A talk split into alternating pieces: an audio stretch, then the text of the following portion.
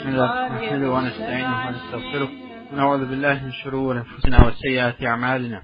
من يهده الله فلا مضل له ومن يضلل فلا هادي له وأشهد أن لا إله إلا الله وحده لا شريك له وأشهد أن محمدا عبده ورسوله. يا أيها الذين آمنوا اتقوا الله حق تقاته ولا تموتن إلا وأنتم مسلمون.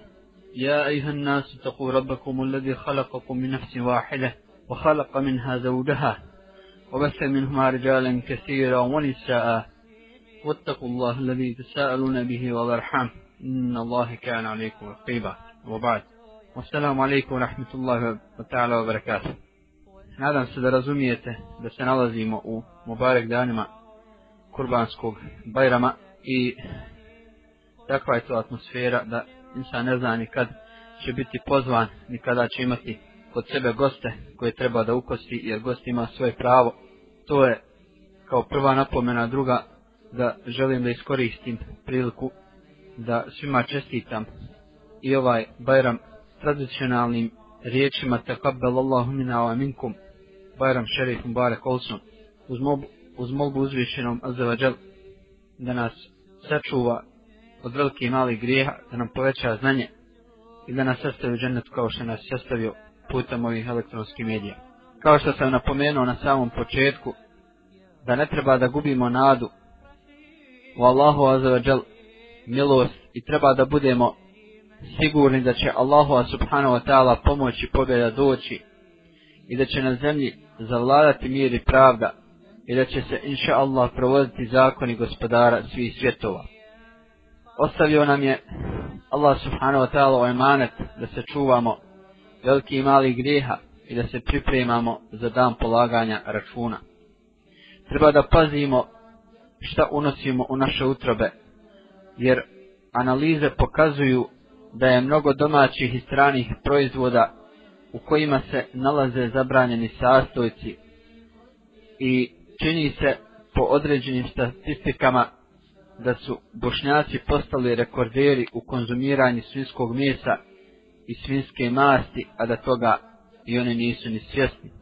Međutim, treba naglasiti da bošnjaci su naivan narod i da sve važne poslove i analize spremni su da povjere drugima, a oni se zadovolje time da ih drugi hvale i tapšu po leđima, govoreći da je sve u skladu s međunarodnim normama ponašanja.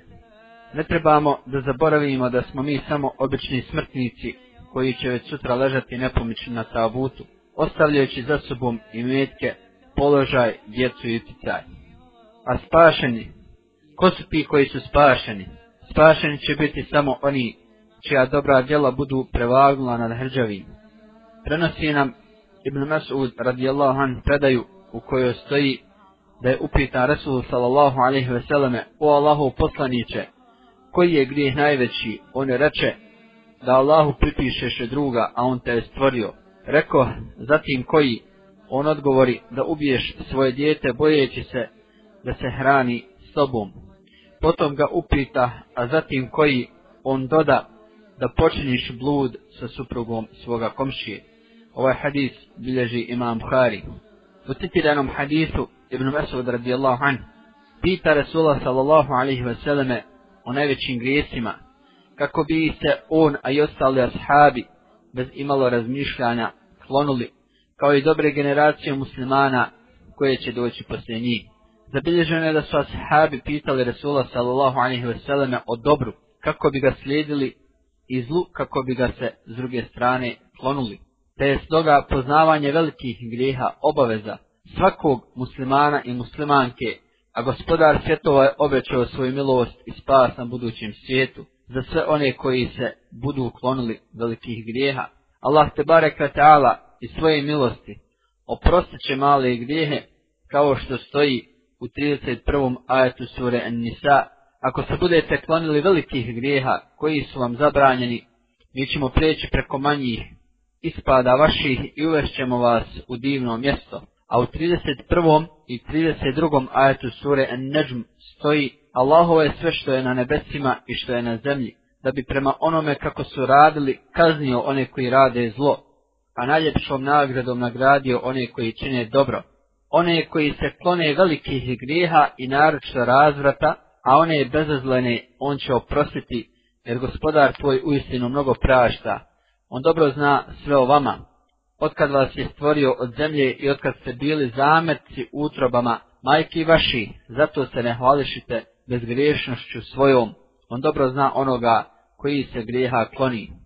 Još jednom napominjem da dobro obratite pažnju na citate i kuransko-hadijske dokaze, jer onim bo mogu biti između ostalog dio teme koji može ući u nagradna pitanja. U citiranim ajetima Allah se barek ta'ala oglašava da će oni koji čine dobro, to jeste ihsan, a šta je ihsan? Ihsan je najviši stupanj vjere Islama i definicija ga je Rasul sallallahu alaihi ve selleme kao en ta'bud Allahe ke enneke tarah, fe lem takun tarahu fe inahu jarak.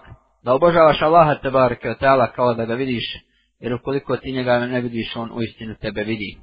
On oglašava da će oni koji čine dobro i oni koji vjeruju, ukoliko se budu uklonili velikih grijeha koje je Allah zabranio, imati oprost malih grijeha od uzvišenog gospodara. Pa je riječ lemem koja je došla u hadisu protumačen kao ono što mu'min učini nehodice od grijeha u svom svakodnevnom životu. Takvi grijesi, inša Allah, bit će oprošteni. U mnogim hadisima stoji da se mali grijesi praštaju od džume do džume i od Ramazana do Ramazana, ukoliko se insan kloni velikih grijeha. Međutim, neki uzimaju ovakve i slične hadise i navode od Resula sallahu alaihi wasallam kao dokaz za sebe da ne treba da klanjaju pet vakata. Wallahi, to je velika zabluda na koju treba svako od nas da upozorava. Jer Resul sallahu alaihi u ovim i sličnim navodima nije rekao da je onaj koji klanja od džume do džume i koji posti od Ramazana do Ramazana oslobođen pet vakata koji su mu propisani u toku dana i toku noći. Nego je to samo poticaj i želja da se steknu velike sevapi i nagrada od strane Azoveđel kako za namaz, tako i za post. I sve ovo nam je dokaz da su veliki grijesi stvar koja se posebno tretira. Mali grijesi, inšala, se opraštaju ukoliko se ne budu učinili veliki grijesi, kao što se mali grijesi brišu i namazom, postom i činjenjem dobrih dijela, pogotovo ako se dobra djela čine redovno. Za velike grijehe postoji poseban obračun i za njih je potrebna iskrena teoba. Zbog toga su ashabi pitali Resula sallallahu alaihi wasallam o velikim grijesima i na prvo mjesto je stavio širk, da Allahu pripišeš druga, a on te je stvorio. Nidun označava sličan ili isti. I nema sumnje da nema niko sličan gospodaru svih svjetova. I niko ne može da kaže imaju dva ista gospodara koji posjeduju ista svojstva. Međusije su vjerovale da imaju dva gospodara. Jedan koji je bio za dobro, a drugi služio za zlo. Između njih, po mišljenju Međusija, postoji stalna borba. Neki ljudi odlaze još dalje i smatraju da ima stvorenja kojima treba robovati, kao što se robuje gospodaru svjetova. Zbog toga Allah te bare kratala poziva ljude da samo njemu robuju i u 21. i 22. ajetu sure El Bakare poručuje nam, o ljudi, klanjajte se gospodaru svome, koji je stvorio vas i on je prije vas, da biste se kazne sačuvali, koji vam je zemlju učinio posteljom, a nebo zdanjem, koji s neba spušta kišu i čini da s njom rastu plodovi hrana za vas. Zato ne činite svjesno druge Allahu ravni. Muhammed ibn Ishak sa svojim lancem prenosilaca navodi od Ibn Abasa riječi o ljudi klanjajte se gospodaru svome. Da je govor upućen objema grupama i nevjernicima i licemirima, A to znači vjerujte samo u vašeg jedinog gospodara koji je stvorio vas kao i on je prije vas. Ovaj ajet Allah se bare ta'ala započinje objašnjenjem svoje jednoće, budući da on daruje blagodati svojim robovima, time što ih izvodi iz ništavila u postojanje. On im je darovao vidljive i nevidljive blagodati time što im je zemlju učinio posteljom, odnosno bešikom, koja je poput postelje postavljena i utvrđena planinama uzdignutim, a nebo zdanjem učinio koje predstavlja taj krov. Zato kaže ne činite svjesno druge Allahu ravnim, a to znači ne pridružujte mu nikoga ko ne može ni koristiti ni štetiti kao njemu ravna, jer ste svjesni da nema drugog gospodara koji će vas obskrbiti osim njega. U vezi s riječima Allaha za Allahu ne činite nikoga ravnim, navodi se da je Nabas radijallahu an kazao, izraz ravnopravni, partneri, suparnici, predstavlja izraz širka, skrivenijeg od hoda mrava po crnom kamenu u tamnoj noći. To se čini kad se kaže Allaha mi i života mi moga i tvoga.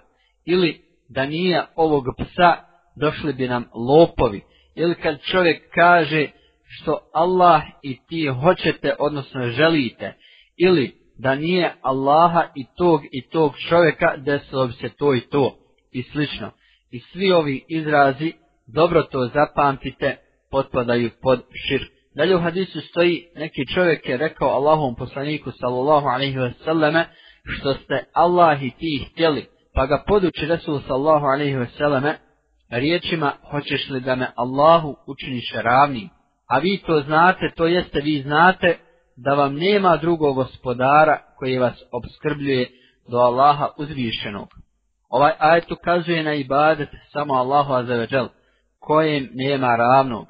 Zabilježeno je da je nekom beduinu, odnosno čovjeku iz pustinje, postavljeno sljedeće pitanje.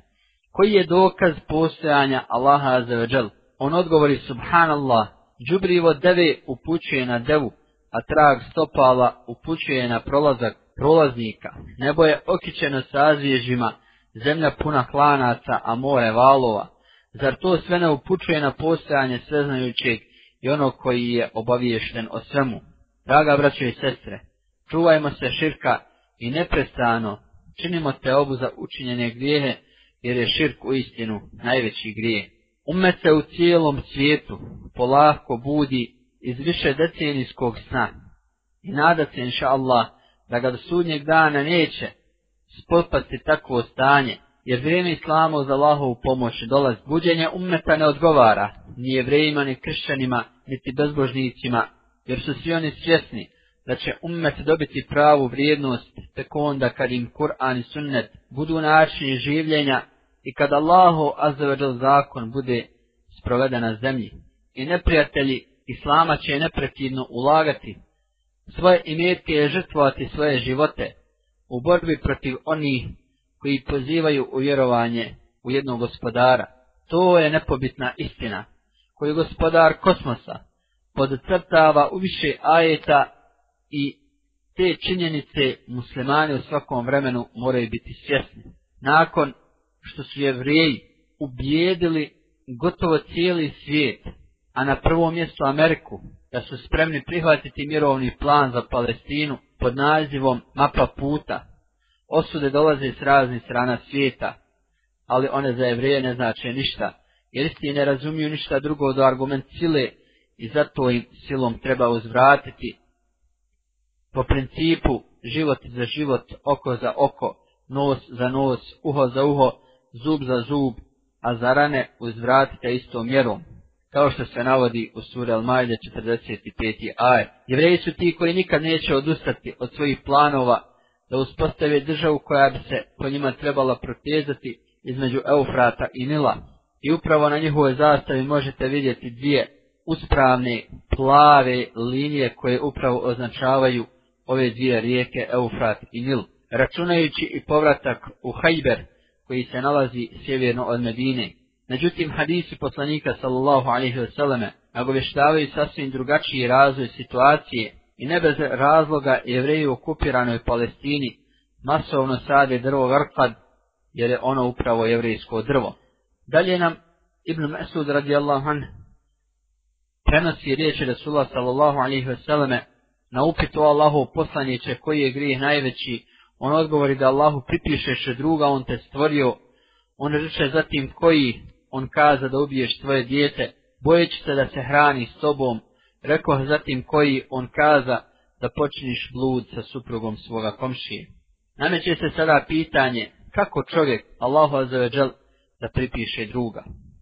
Ibn Abbas smatra da je jedan od načina pripisivanja druga Allahu azzawajal, da Allahu subhanahu wa ta'ala dobrotu i blagodati pripišeš nekom drugom mimo njega, pa makar to bilo nešto na izgled zanemarljivo. Allah azza ima pravo da se samo njemu robuje, kao što stoji u predaji koji prenosi Muaz ibn Džabel radijallahu an, da je Resul sallallahu alaihi da mu je Resul sallahu alaihi wasallam kazao, o Muaze, znaš šta je pravo Allaha u odnosu na njegove robove?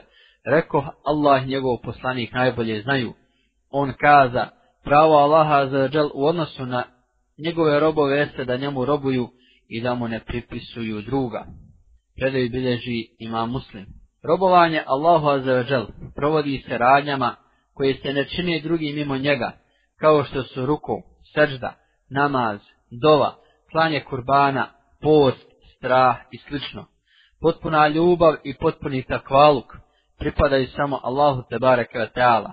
Onaj koji robuje bilo kome ili bilo čemu, mimo Allaha Azzawajal, on čini jednu vrstu širka.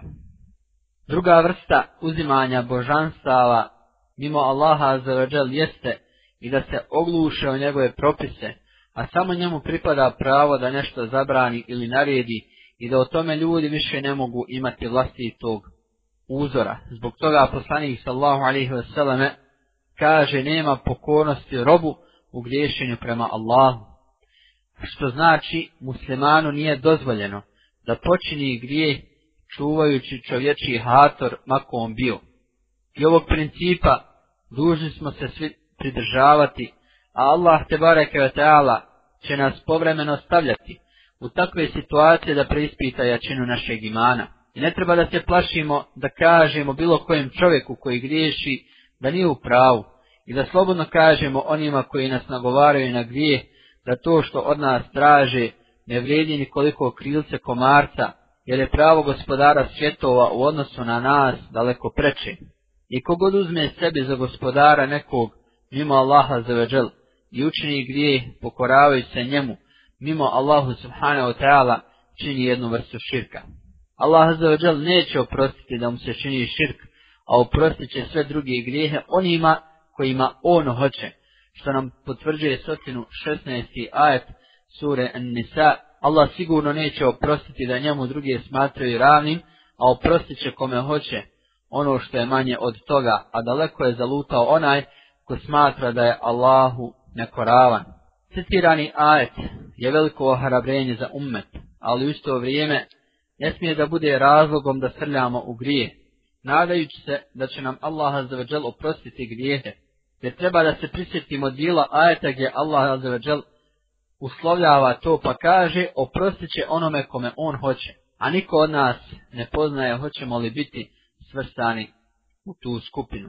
Svako ko svjesno čini gdje pokoravajući se stvorenju u odnosu na Allaha za je u očiglednoj zabludi. U tom smislu jeste i 60. ajet sura Nisa u kojem stoji Za ne vidiš one koji tvrde da vjeruju u ono što se objavljuje tebi i u ono što je objavljeno prije tebe pa ipak žele da im se pred šeitanom sudi, sudi, a naređeno im je da ne vjeruju u njega, a šeitan želi da ih u veliku zabludu navede. Nema sumnje da je pitanje određivanja propisa u Allahovima zavržalo rukama, što nam potvrđuju 49. i 50. ajet sura El Maide, i sudim prema onome što Allah objavljuje i ne povodi se za prohtjevima njihovim i čuvaj se da te ne odvrate od nečeg što ti Allah objavljuje. A ako ne pristaju ti, onda znaj da Allah želi da je zbog nekih grijehova njihovi kazni, a mnogi ljudi su u istinu nevjerni. Zar oni traže da im se kao u pagansko doba sudi? A ko je od Allaha bolji sudija narodu koji čvrsto vjeruje? Kod Allaha tabaraka wa ta'ala neće se moći zauzimati osim onaj kome on to dozvoli. U džennet ne može uvesti, niti iz dženneta izvesti, niti u džehennem smjestiti, niti od vatre zaštititi osim Allah subhanahu wa ta'ala. Niti jedan od ljudi, poslanika, niti meleka, ne može pridonijeti niti korist, niti štetu mimo Allaha za veđel.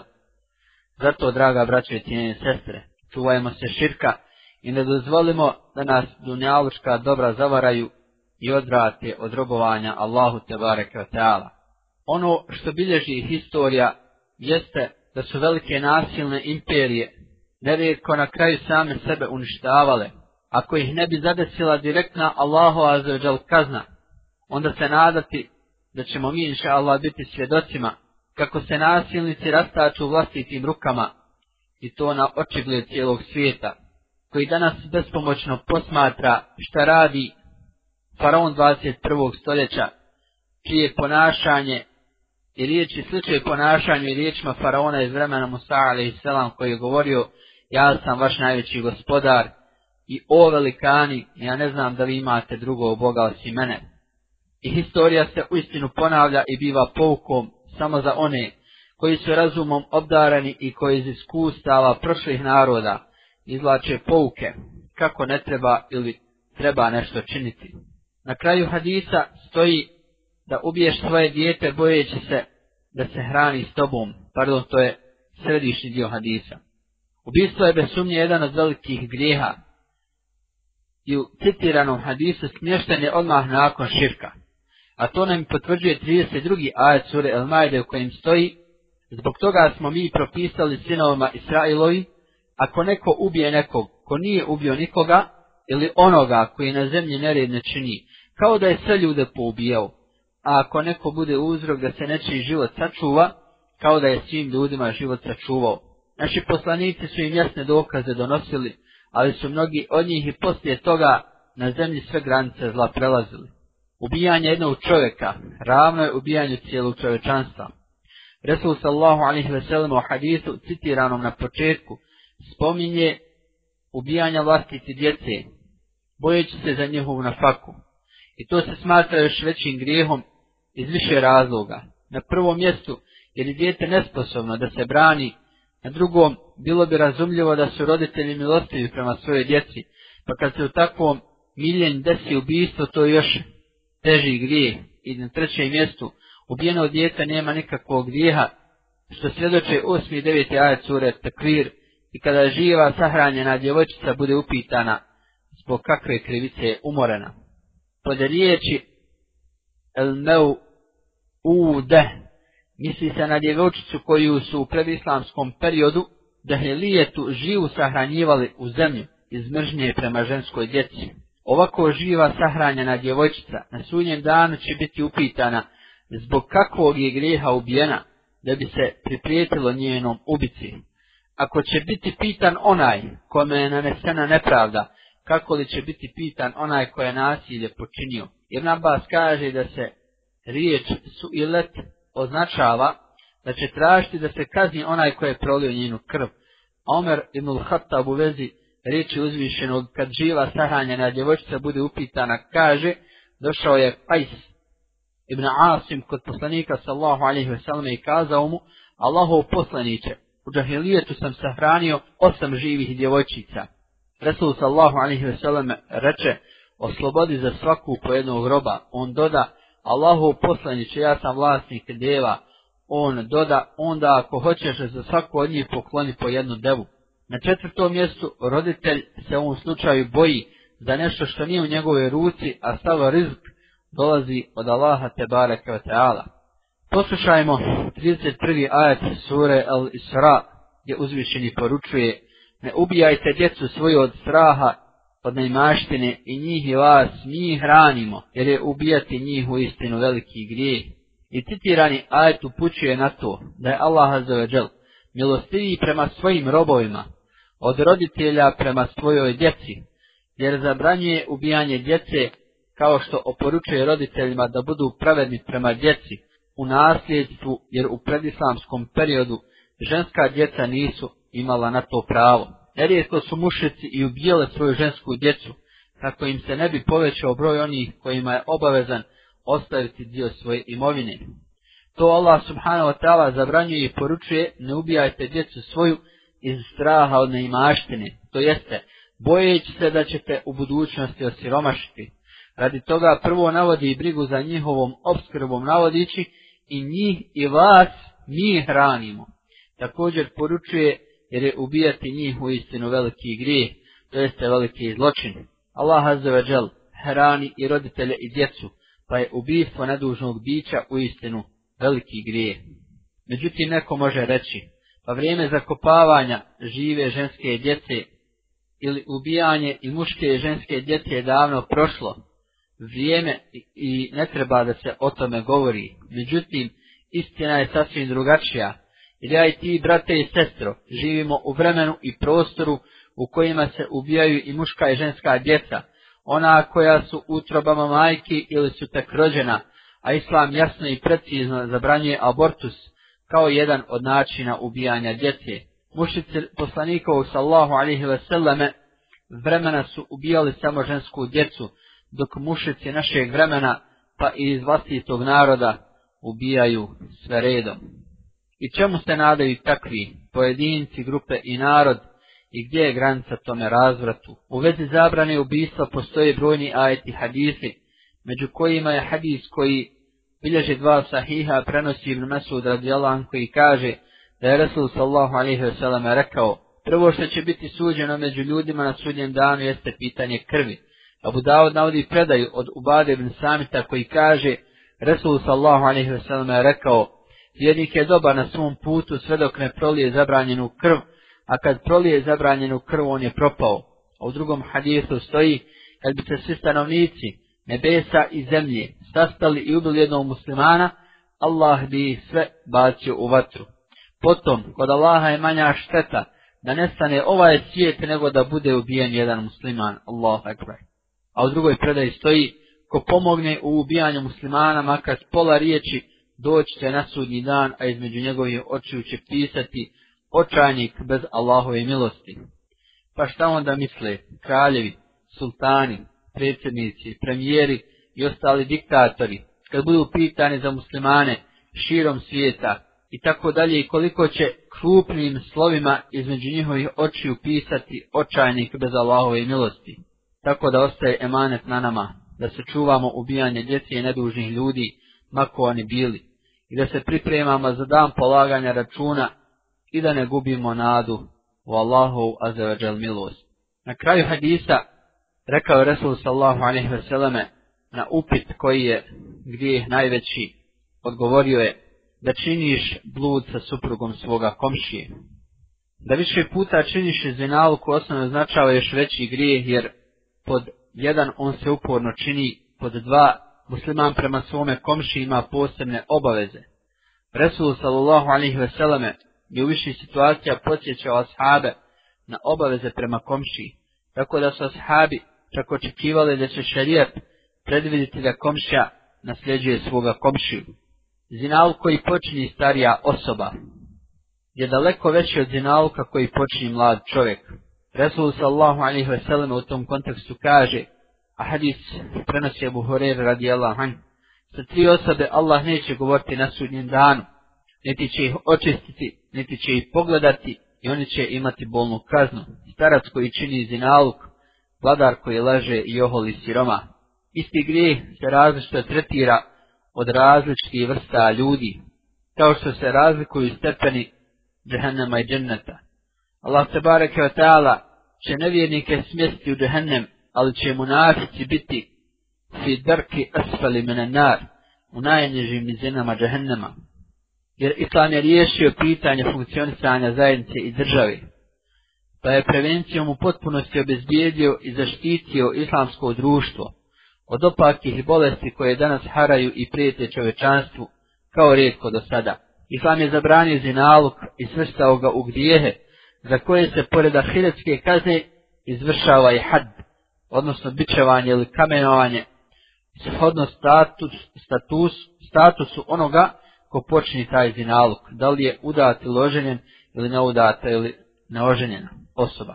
Jer u sure Al-Isra u 32. ajetu Allah poručuje i kaže i ne približavajte se zinaluku jer je on razvrat i ružan put. Tako da nam Kur'an zabranjuje približavanje bludu jer on neminovno dovodi do grijeha. Zinaluke, kako Kur'an kaže, ružno djelo i put.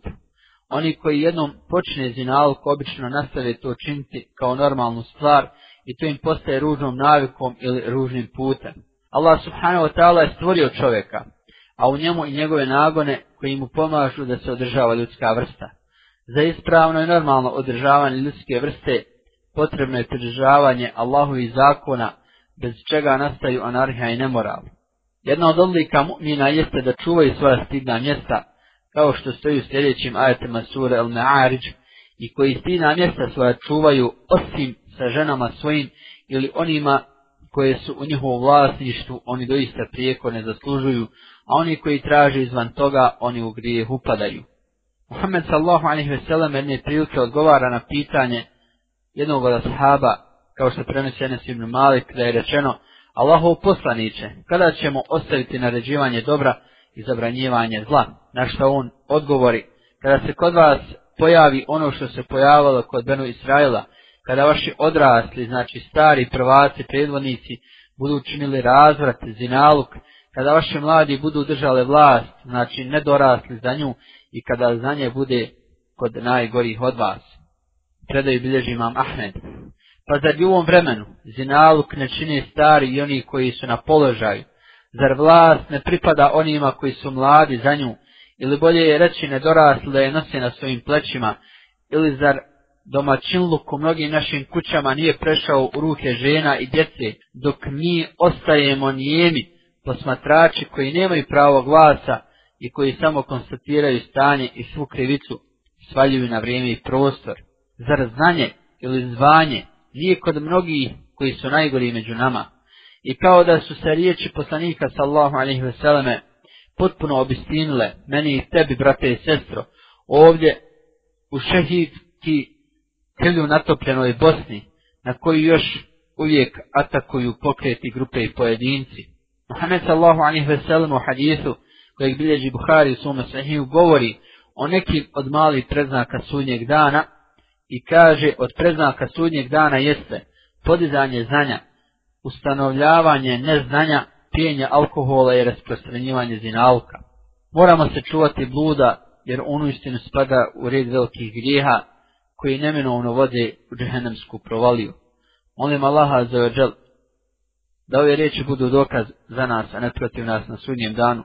Molim ga Subhane da nam poveća znanje, učesti naše korake na putu istine i sastavi nas u džennetu kao što nas je sastavio na ovom mjestu. Rekao ovo, molim Allaha za oprost, molite ga i vi, neka je zadnja naša dova. Hvala Allahu gospodaru svih svjetova. Wassalamu alaikum wa rahmatullahi wa barakatuh.